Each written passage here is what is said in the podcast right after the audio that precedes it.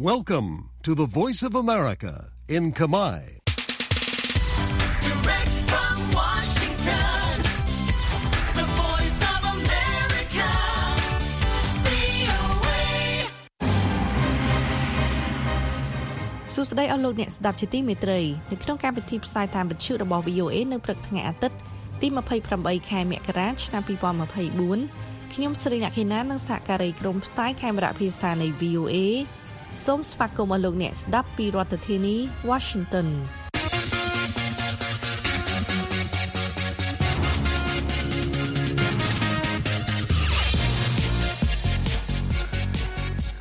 នៅក្នុងការផ្សាយរបស់ VOA ជាបន្តបន្តទៅនេះ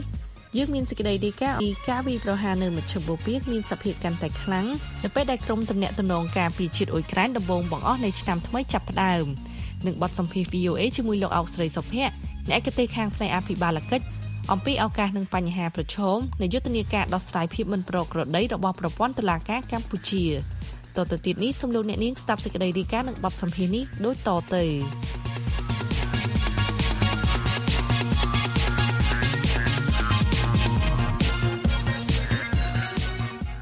យោធាអាមេរិកបាននិយាយថាខ្លួនបានវាយប្រហារទីតាំងចំនួន3កាលពីថ្ងៃអង្គារនៅភូមិខាងលិចនៃប្រទេសអ៊ីរ៉ាក់ តែប្រើប្រាស់ដោយក្រុមសកម្មប្រយុទ្ធដែលគាំទ្រដោយអ៊ីរ៉ង់ហ៊ីស្បូឡានេះគឺជាការវាយប្រហារសងសឹកចុងក្រោយបង្អស់បន្ទាប់ពីក្រុមសកម្មប្រយុទ្ធបានវាយប្រហារទៅលើកងកម្លាំងសហរដ្ឋអាមេរិកនៅក្នុងប្រទេសអ៊ីរ៉ាក់និងស៊ីរីច្រើនជាង150លើកចាប់តាំងពីពាក់កណ្ដាលខែតុលាមានការព្រួយបារម្ភកាន់តែខ្លាំងឡើងថាសហរដ្ឋអាមេរិកអាចនឹងជាប់ពាក់ព័ន្ធនៅក្នុងពេលឆាប់ៗនេះនៅក្នុងសង្គ្រាមមួយផ្សេងទៀតនៅមជ្ឈមបូព៌ា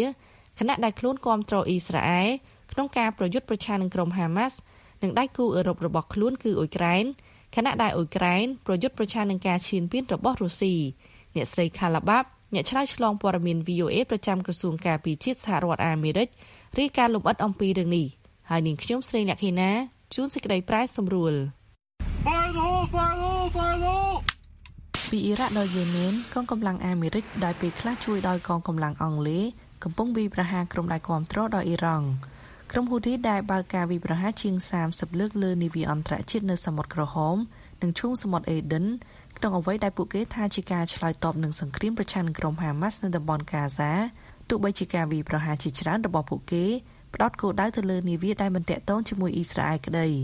ការវាយប្រហារនៅយេម៉ែនសប្តាហ៍នេះបានវាយចំអគារអាវុធទីតាំងរ៉ាដានិងកាំជ្រួចមីស៊ីលដែលអាមេរិកថាត្រៀមលក្ខណៈរួចរាល់សម្រាប់បាញ់នាវាអន្តរជាតិ លោកឧត្តមសេនីយ៍តូ Pat Ryder អ្នកនាំពាក្យក្រសួងការពារជាតិសហរដ្ឋអាមេរិកថ្លែងថា Our goal here is គោលដៅគឺយើងធានាថាសមុទ្រក្រហមមានសវត្ថិភាពនិងសន្តិសុខសម្រាប់ការដឹកជញ្ជូនអន្តរជាតិនិងកងម៉ារីននេះជាគោលដៅយើងតែមួយគត់សហគមន៍អន្តរជាតិកំពុងអំពាវនាវឲ្យបញ្ចប់អំពើហិង្សាជាបន្ទាន់លោក Antonio Guterres អគ្គលេខាធិការអង្គការសហប្រជាជាតិថ្លែងថា I urge all ខ្ញុំ parties ជំរុញឲ្យភាគីទាំងអស់ដកថយហើយពិចារណាពីគ្រោះថ្នាក់ដល់មនុស្សជាតិដោយសារចំនួនតំបន់នេះសេតវិមានថាចំនួននៅក្នុងតំបន់គឺជាអ្វីដែលអាមេរិកអង់គ្លេសនិងសម្ព័ន្ធមិត្តផ្សេងទៀតកំពុងព្យាយាមជៀសវាងដោយធ្វើការវិប្រហារទាំងនោះអ្នកសម្របសម្រួលក្រុមប្រឹក្សាសន្តិសុខជាតិសម្រាប់ការទំនាក់ទំនងជាយុទ្ធសាស្ត្រលោក John Kirby ថ្លែងថា if you're going to scrap with somebody um and បើ you អ្នក find វា a way តបគ្នាជាមួយនរណាម្នាក់ហើយអ្នកអាចរកវិធីចងដៃម្ខាង ឬទាំងពីរពីក្រោយខ្នងរបស់ពួកគេនោះវាមិនបង្កើនចំនួនទេ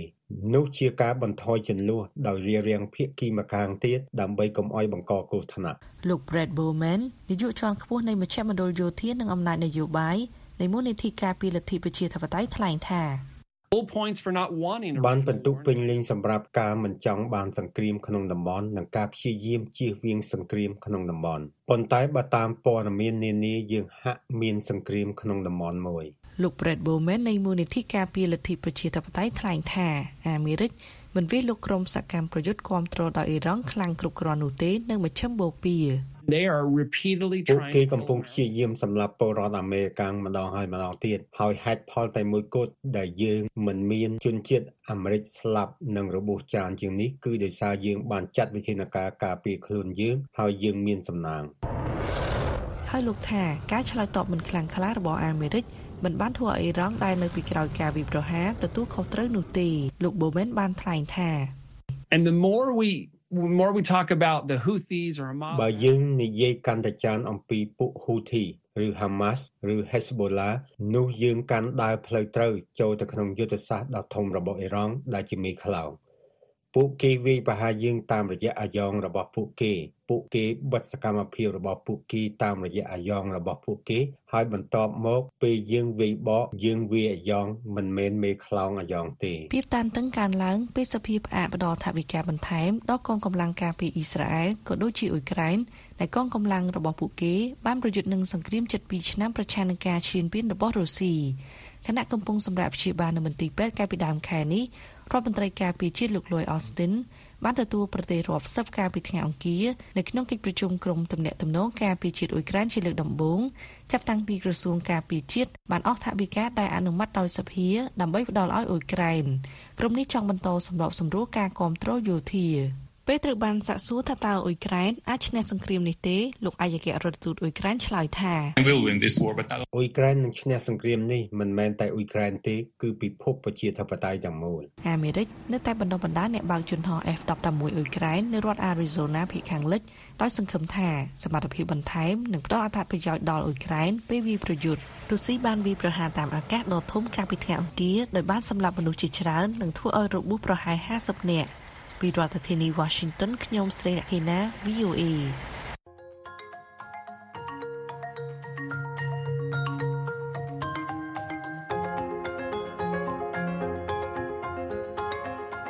សូមស្វាគមន៍មកកាន់កម្មវិធី podcast កម្ពុជាសម្លឹងទៅមុខរដូវកាលទី2ប្រិមិត្តជាទីមេត្រី កាលពីរដូវកាលទី1អស់លោកអ្នកនាងបានស្ដាប់កម្មវិធី podcast កម្ពុជាសម្លឹងទៅមុខដល់ទៅ16ភាគដែលក្រុមអ្នកស្រាវជ្រាវកម្ពុជាឆ្នើមនិងវ័យក្មេងជាច្រើនអ្នកបានពិភាក្សានិងបកស្រាយអំពីទស្សនវិស័យនិងសក្តានុពលដែលជំរុញឲ្យមានការផ្លាស់ប្តូរវិជ្ជមានលើវិស័យនានាក្នុងប្រទេសកម្ពុជារាប់ទាំងវិស័យអប់រំសេដ្ឋកិច្ចសុខាភិបាលការទូតបរិស្ថាននិងអភិបាលកិច្ចជាដើមរដូវកាលទី2របស់យើងនឹងបដោតលើប្រធានបទធំមួយដែលយើងហៅថាវប្បធម៌ Digital ឬជាភាសាអង់គ្លេស Digital Culture និយាយទៅវាសំដៅលើឱកាសនិងកត្តាប្រឈមនៃការប្រើប្រាស់បច្ចេកវិទ្យានានាដើម្បីដោះស្រាយបញ្ហាប្រឈមក្នុងសង្គមនិងជំរុញឲ្យមានការផ្លាស់ប្តូរវិជ្ជមានជាបន្តបន្ទាប់ហើយជាពិសេសបង្កើនលទ្ធភាពឲ្យកម្ពុជាសម្រេចបាននូវគោលដៅអភិវឌ្ឍរបស់ខ្លួនក្នុងគ្រប់វិស័យដោយរដូវកាលទី1ដែរលោកអ្នកនាងអាចស្ដាប់ podcast កម្ពុជាសម្លឹងទៅមុខវប្បធម៌ Digital ឬ Digital Culture នេះតាម Apple Podcast Google Podcast Spotify និងតាមគេហទំព័ររបស់យើង khmer.vnews.com/envision Cambodia Digital Culture ហើយសូមកុំភ្លេច subscribe សូមអរគុណក្នុងរយៈពេលប្រមាណឆ្នាំចុងក្រោយនេះក្រសួងយុតិធធកម្ពុជា បាននឹងកំពុងអនុវត្តយន្តការនិងបង្កើតរចនាសម្ព័ន្ធជាច្រើន ដើម្បីធ្វើកំណែទម្រង់គុណភាពស្ថាប័ននៃប្រព័ន្ធតុលាការកម្ពុជា ដែលចាក់ស្រេះដោយអំពើពុករលួយ និងកង្វះតម្លាភាពនៅក្នុងបទសម្ភាសន៍ជាមួយអ្នកនាងតែនសុកស្រីនិតនៃ VOA លោកអោកស្រីសុភ័ក្រអ្នកឯកទេសខាងផ្នែកអភិបាលកិច្ចបានបង្ហាញសុទធិនិយមច្រើនទៅលើដំណើរការកំណែទម្រង់ទាំងអស់នេះក៏ប៉ុន្តែលោកបានកត់សម្គាល់ថា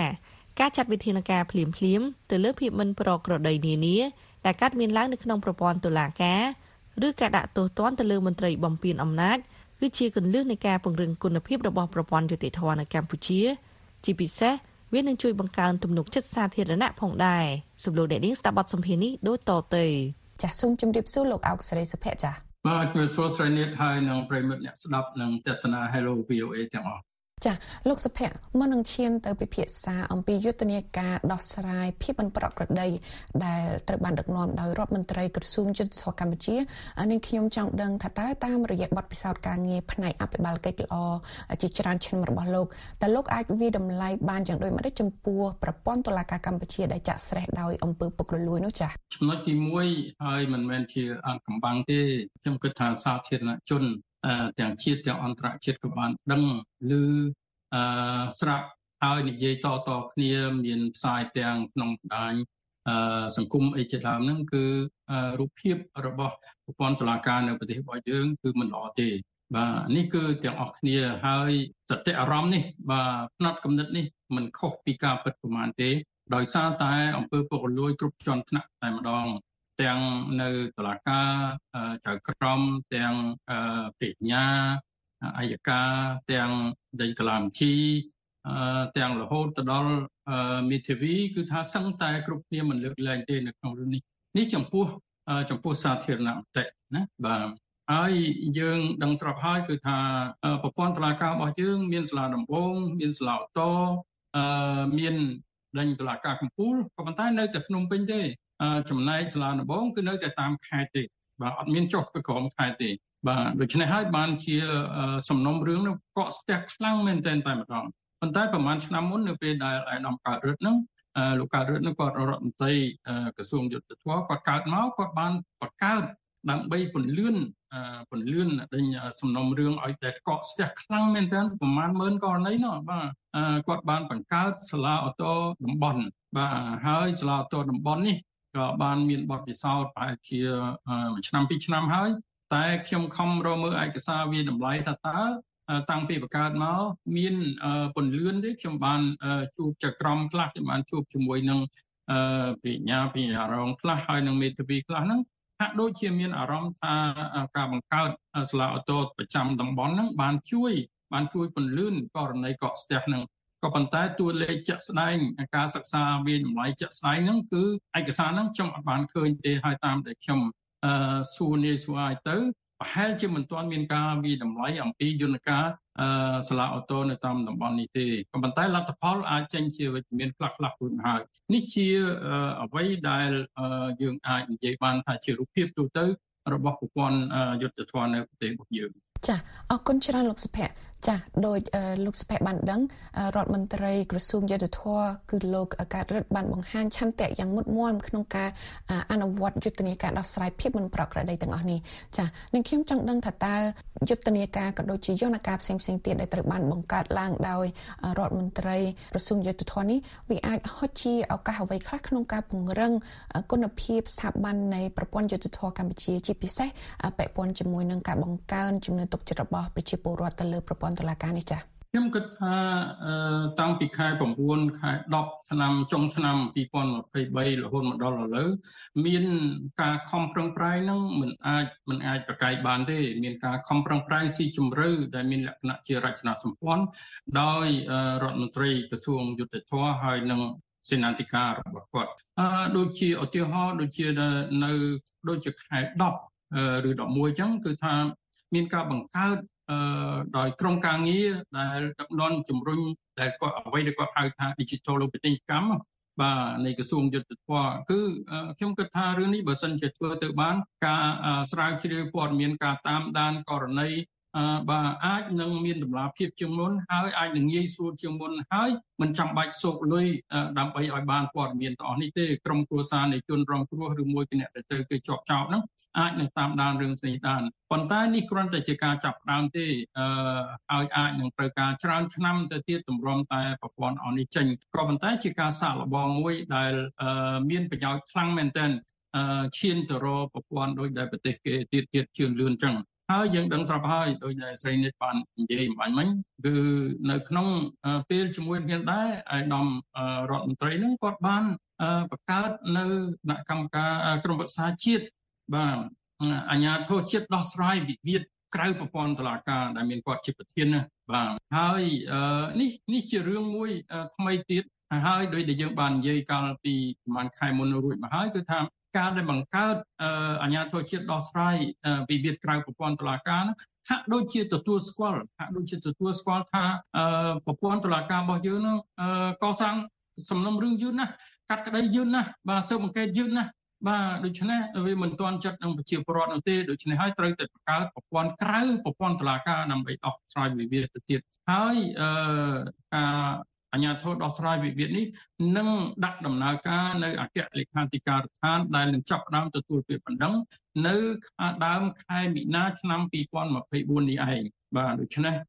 នេះជាយន្តការមួយទៀតមានសារៈសំខាន់ណាស់ដែលប្រជាពលរដ្ឋអាចនឹងដាក់ពាក្យបណ្ដឹងផ្ទាល់តែម្ដងហើយក្រមការងាររបស់ក្រសួងយុទ្ធភ័ពនឹងធ្វើការស៊ើបអង្កេតហើយបើសិនជាមានពាក់ព័ន្ធទៅដល់ស្រែកហៅរដេញ ដែលយើងហៅថាអាញាធរប្រឆាំងអំពើពុករលួយណាដូចជាករណីនៅកែបឯជាដើមហ្នឹងរហូតដល់បកសាក់ដកតំណែងច្បាយខេត្តនៅកែបឯទៅទៀតបាទនេះជារឿងមួយដែលប្រជាពលរដ្ឋទន្ទឹងរង់ចាំហើយក្រៅពីហ្នឹង អ្វីដែលជាប្រធានបទរបស់យើងហ្នឹងគឺថាក្នុងពេលថ្មីថ្មីនេះទៀតលោករដ្ឋមន្ត្រីក្រសួងយុទ្ធភ័ពហ្នឹងគាត់បានបង្កើតនៅយន្តការ4បាទបន្ថែមលើអ្វីដែលយើងបាននិយាយរួចហើយយន្តការទី1ហ្នឹងគឺគណៈកម្មការយុទ្ធនាការដើម្បីជំរុញនិងពន្លឿនការដោះស្រាយរឿងដីនៅតាមតុលាការនានាបាទអាហ្នឹងគឺថាមានក្រុមគណៈកម្មការមួយដែលមានរដ្ឋាភិបាលម្នាក់ជាប្រធាន ហើយនៅក្នុងនៅក្នុងទាំងអស់ហ្នឹងគឺថានៅក្នុងដៃទាំង4ហ្នឹងគឺអឺអ្វីដែលគាត់ហៅថាគណៈបញ្ជាការយន្តការដឹកនាំនិងអនុវត្តនៅអឺដេញកំណែតម្រង់ថ្មីនេះហើយគណៈបញ្ជាការហ្នឹងគឺថាមានមានមានមេធាង4បាទហើយគណៈបញ្ជាការគឺនៅក្រោមការបញ្ជាផ្ទាល់របស់រដ្ឋមន្ត្រីក្រសួងយុទ្ធភ័ពគណៈកម្មការទី1គឺយុទ្ធនាការដើម្បីជំរុញនិងពង្រឹងការដោះស្រាយរឿងក្តីនៅតុលាការគ ណៈកម្មការទី2គឺយុទ្ធនាការត្រួតពិនិត្យនិងដោះស្រាយភាពមិនប្រក្រតីនៅតាមតុលាការរឿងនេះរឿងនេះសំខាន់ណាស់ព្រោះយើងដឹងស្រាប់ហើយគឺថាភាពមិនប្រក្រតីនឹងគឺមានច្រើនខ្លាំងមែនទែនក៏ប៉ុន្តែនៅពេលដែលអនុវត្តទៅនោះតើវាតើវាសំខាន់យ៉ាងណាព្រោះអំណាចក្រសួងយុទ្ធភ័ពគ្រប់ដណ្ដប់បានទៅត្រូវទៅលើប្រាជ្ញាអយកាប្រាជ្ញារងឬមួយក៏ក្លាមជីទេបាទចំណែកចៅក្រមចៅក្រមស៊ើបអង្កេត គឺនោះឡើងទៅមេរបស់គេនៅតុលាការកំពូលនោះបាទអឺទាំងអស់ហ្នឹងគឺថាដូច្នេះតើតើរដ្ឋាភិបាលតាមយក្រសួងយុទ្ធភ័ពធ្វើការយ៉ាងណាដើម្បីនឹងដោះស្រាយឲ្យដែងភាពមិនប្រក្រតីនឹងបានយើងចាំមើលតទៅទៀតអានេះប្រហែលជាមានយន្តការផ្សេងទៀតក៏ប៉ុន្តែបន្ថែមលើពីគណៈកម្មការពីមិញហ្នឹងមានក្រុមប្រឹក្សាវិភាគដែលគេហៅថាក្រុមការងារវិភាគនិងប្រឹក្សាយោបល់នោះបាទដែលដឹកនាំដោយរដ្ឋលេខាធិការមួយដែរ ដែលចាំតាមដានមើលធ្វើការវិភាគថាតើដំណើរការអស់ហ្នឹងវាមានយ៉ាងណាហើយនឹងគាត់ជូនយោបល់ជាហោហែនៅនៅតាមដំណើរការនៃយន្តការទាំងអស់ហ្នឹងហើយរឿងអ្វីដែលសំខាន់ហើយដែលខ្ញុំគិតថា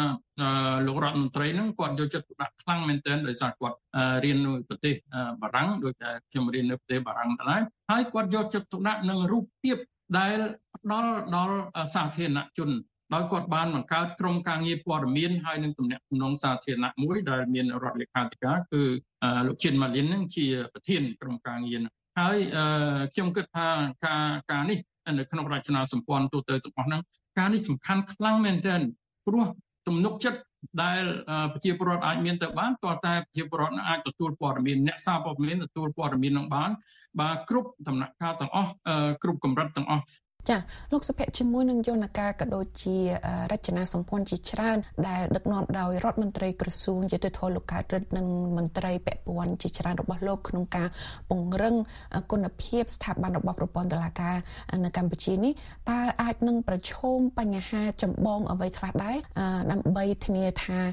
យន្តការទាំងអស់នេះហុចមកនៅលទ្ធផលវិជ្ជមាននោះចាតើកង្វះធនធានមនុស្សអាចជាបញ្ហាចម្បងដែរឬទេពីព្រោះតាមរយៈការបកស្រាយយរបស់លោកយើងឃើញថាយន្តការក៏ដូចជាការបង្កើតយន្តការហើយនឹងរចនាសម្ព័ន្ធទាំងអស់នេះទាមទារ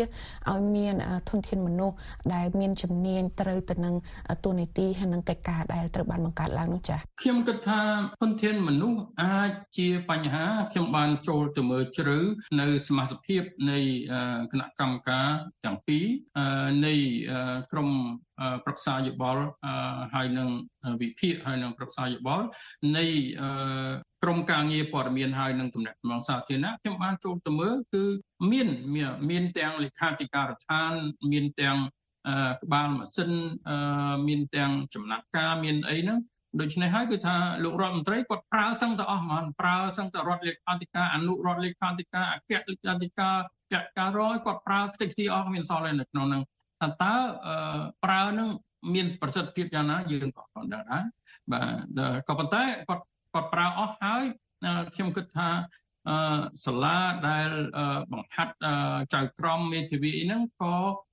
មានដំណើរការទៅយ៉ាងរលូនដូច្នេះធនធានមនុស្សខ្ញុំគិតថាយើងអាចក្នុងការដំណើរការហ្នឹងអាចមានកង្វះក៏ប៉ុន្តែយើងអាចធ្វើការបានដោយមានប្រសិទ្ធភាពខ្ញុំគិតថាថវិកាប្រហែលជាមានបញ្ហា បាទព្រោះយន្តការទាំងអស់នេះដើម្បី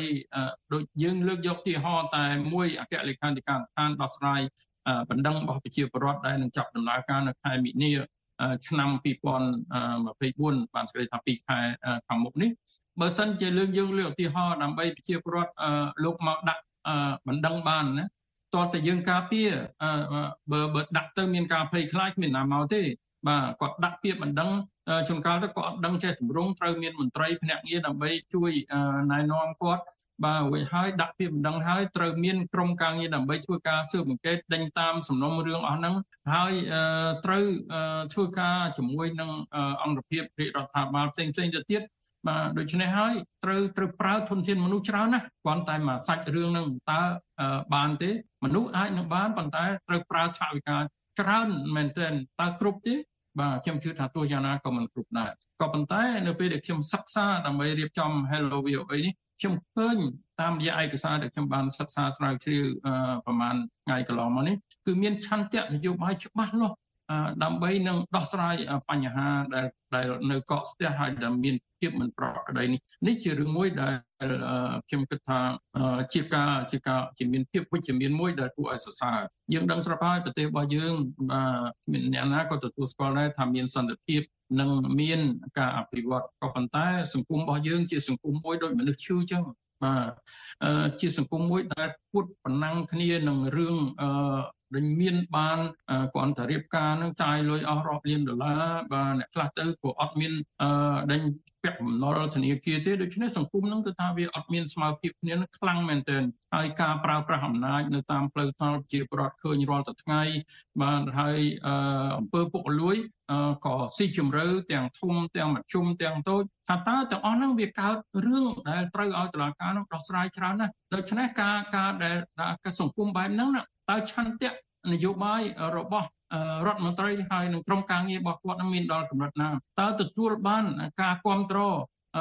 ពីរដ្ឋមន្ត្រីថ្មីសម្ដេចបវរទឹកដីហ៊ុនម៉ាណែតហ្នឹងបាទដល់កម្រិតណាក៏ប៉ុន្តែខ្ញុំគិតថាករណីដូចជាសបាយខែកែបជាដើមការអនុវត្តអភិក្រមទេទី5បាទដែល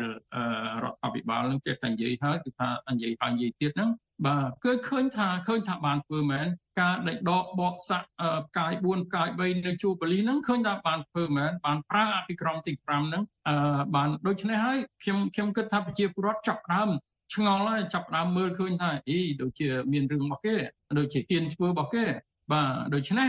ខ្ញុំគិតថាឆន្ទៈនយោបាយមាននៅក្នុងរឿងទាំងអស់ហ្នឹងហើយប្រហែលជាអញ្ចឹងហើយបានជា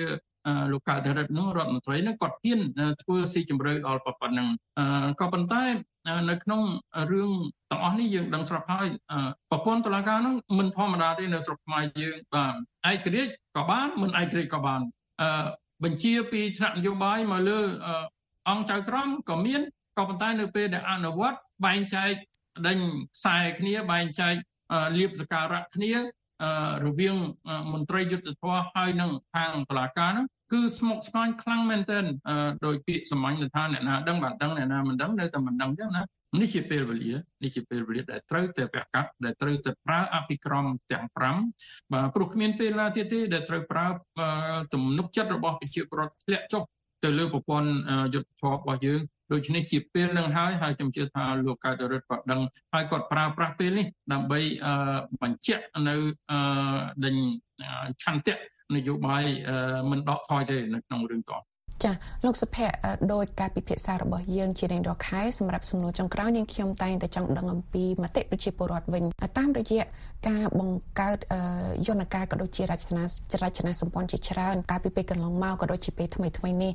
នៅក្នុងក្រសួងយុទ្ធភ័ពកម្ពុជាតើវាអាចបង្កើនជំនឿទុកចិត្តពីប្រជាពលរដ្ឋដែរឬទេបើទោះបីជាលោកទៅតែលើកឡើងថាប្រជាពលរដ្ឋគាត់ខ្វះជំនឿទុកចិត្តប៉ុន្តែអាចថា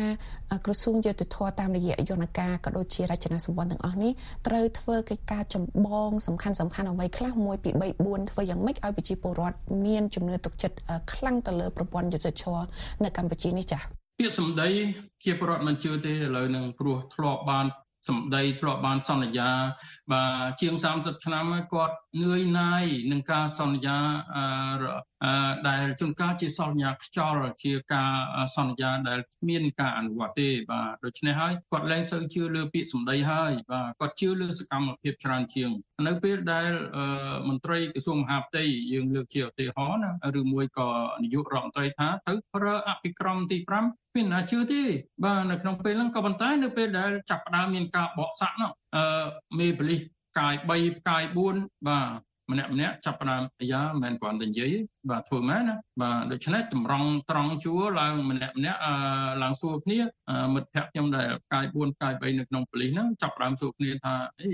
លេងមែនតើណាអឺបាទដូច្នេះរួចហើយម្នាក់ម្នាក់ទូស្គាល់ថាអត់មានលេងលេងទៀតទេគឺអភិក្រមទាំង5ហ្នឹងនឹងយកមកអនុវត្តនៅពេលដែលអឺ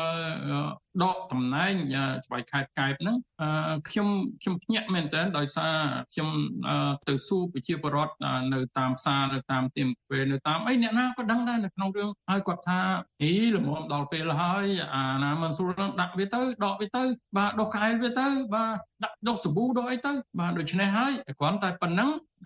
រូបភាពនៃ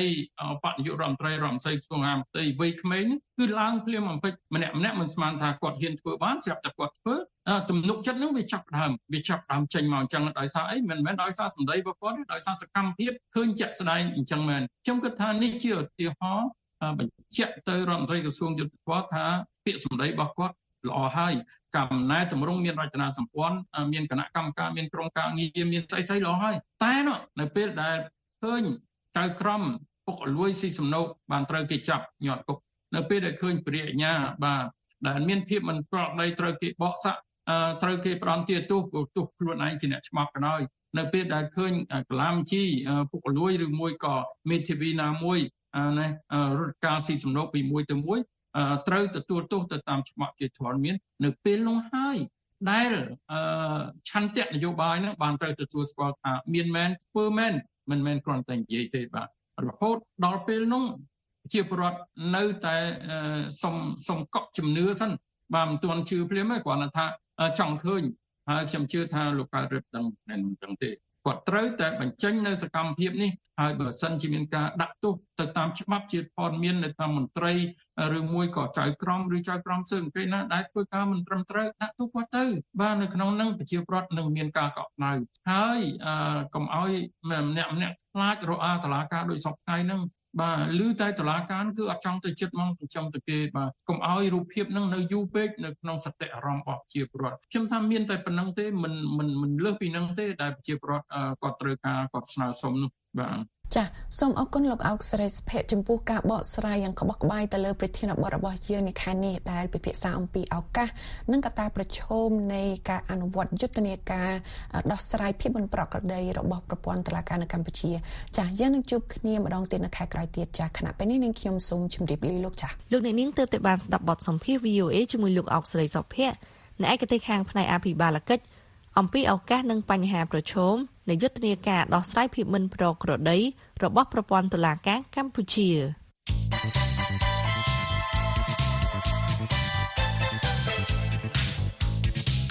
លោកអ្នកនាងជាទីមេត្រី VOA មានវីដេអូជាច្រើនដែលតាក់ទងនឹងប្រទេសកម្ពុជា នៅក្នុងគេហទំព័ររបស់យើង khmer.voanews.com លោកអ្នកអាចទស្សនាវីដេអូទាំងនេះដើម្បីជ្រាបយល់ នៅព័ត៌មានថ្មីៗតាក់ទងនឹងប្រធានបទផ្សេងៗ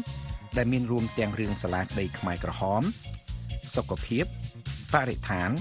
អក្រិតកម្មសិទ្ធិមនុស្សនិងរឿងសំខាន់ដទៃទៀតសូមលោកអ្នកចុចលើពាក្យទូរទស្សន៍នៅរបាខាងលើ ហើយចុចលើវីដេអូណា ដែលលោកអ្នកចង់ទស្សនា សូមអរគុណ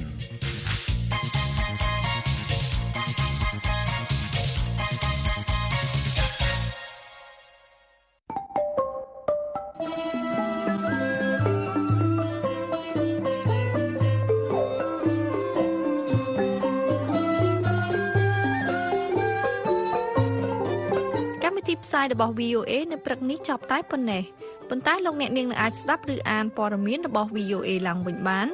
តាមរយៈគេហទំព័រ khmae.voanews.com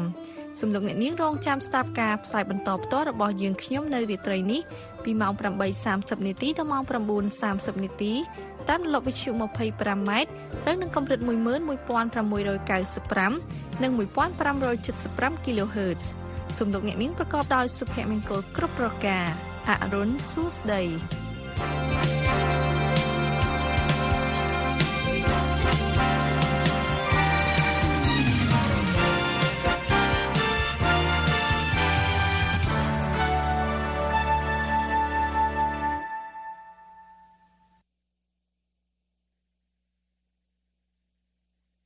This program has come to you from the Voice of America, Washington.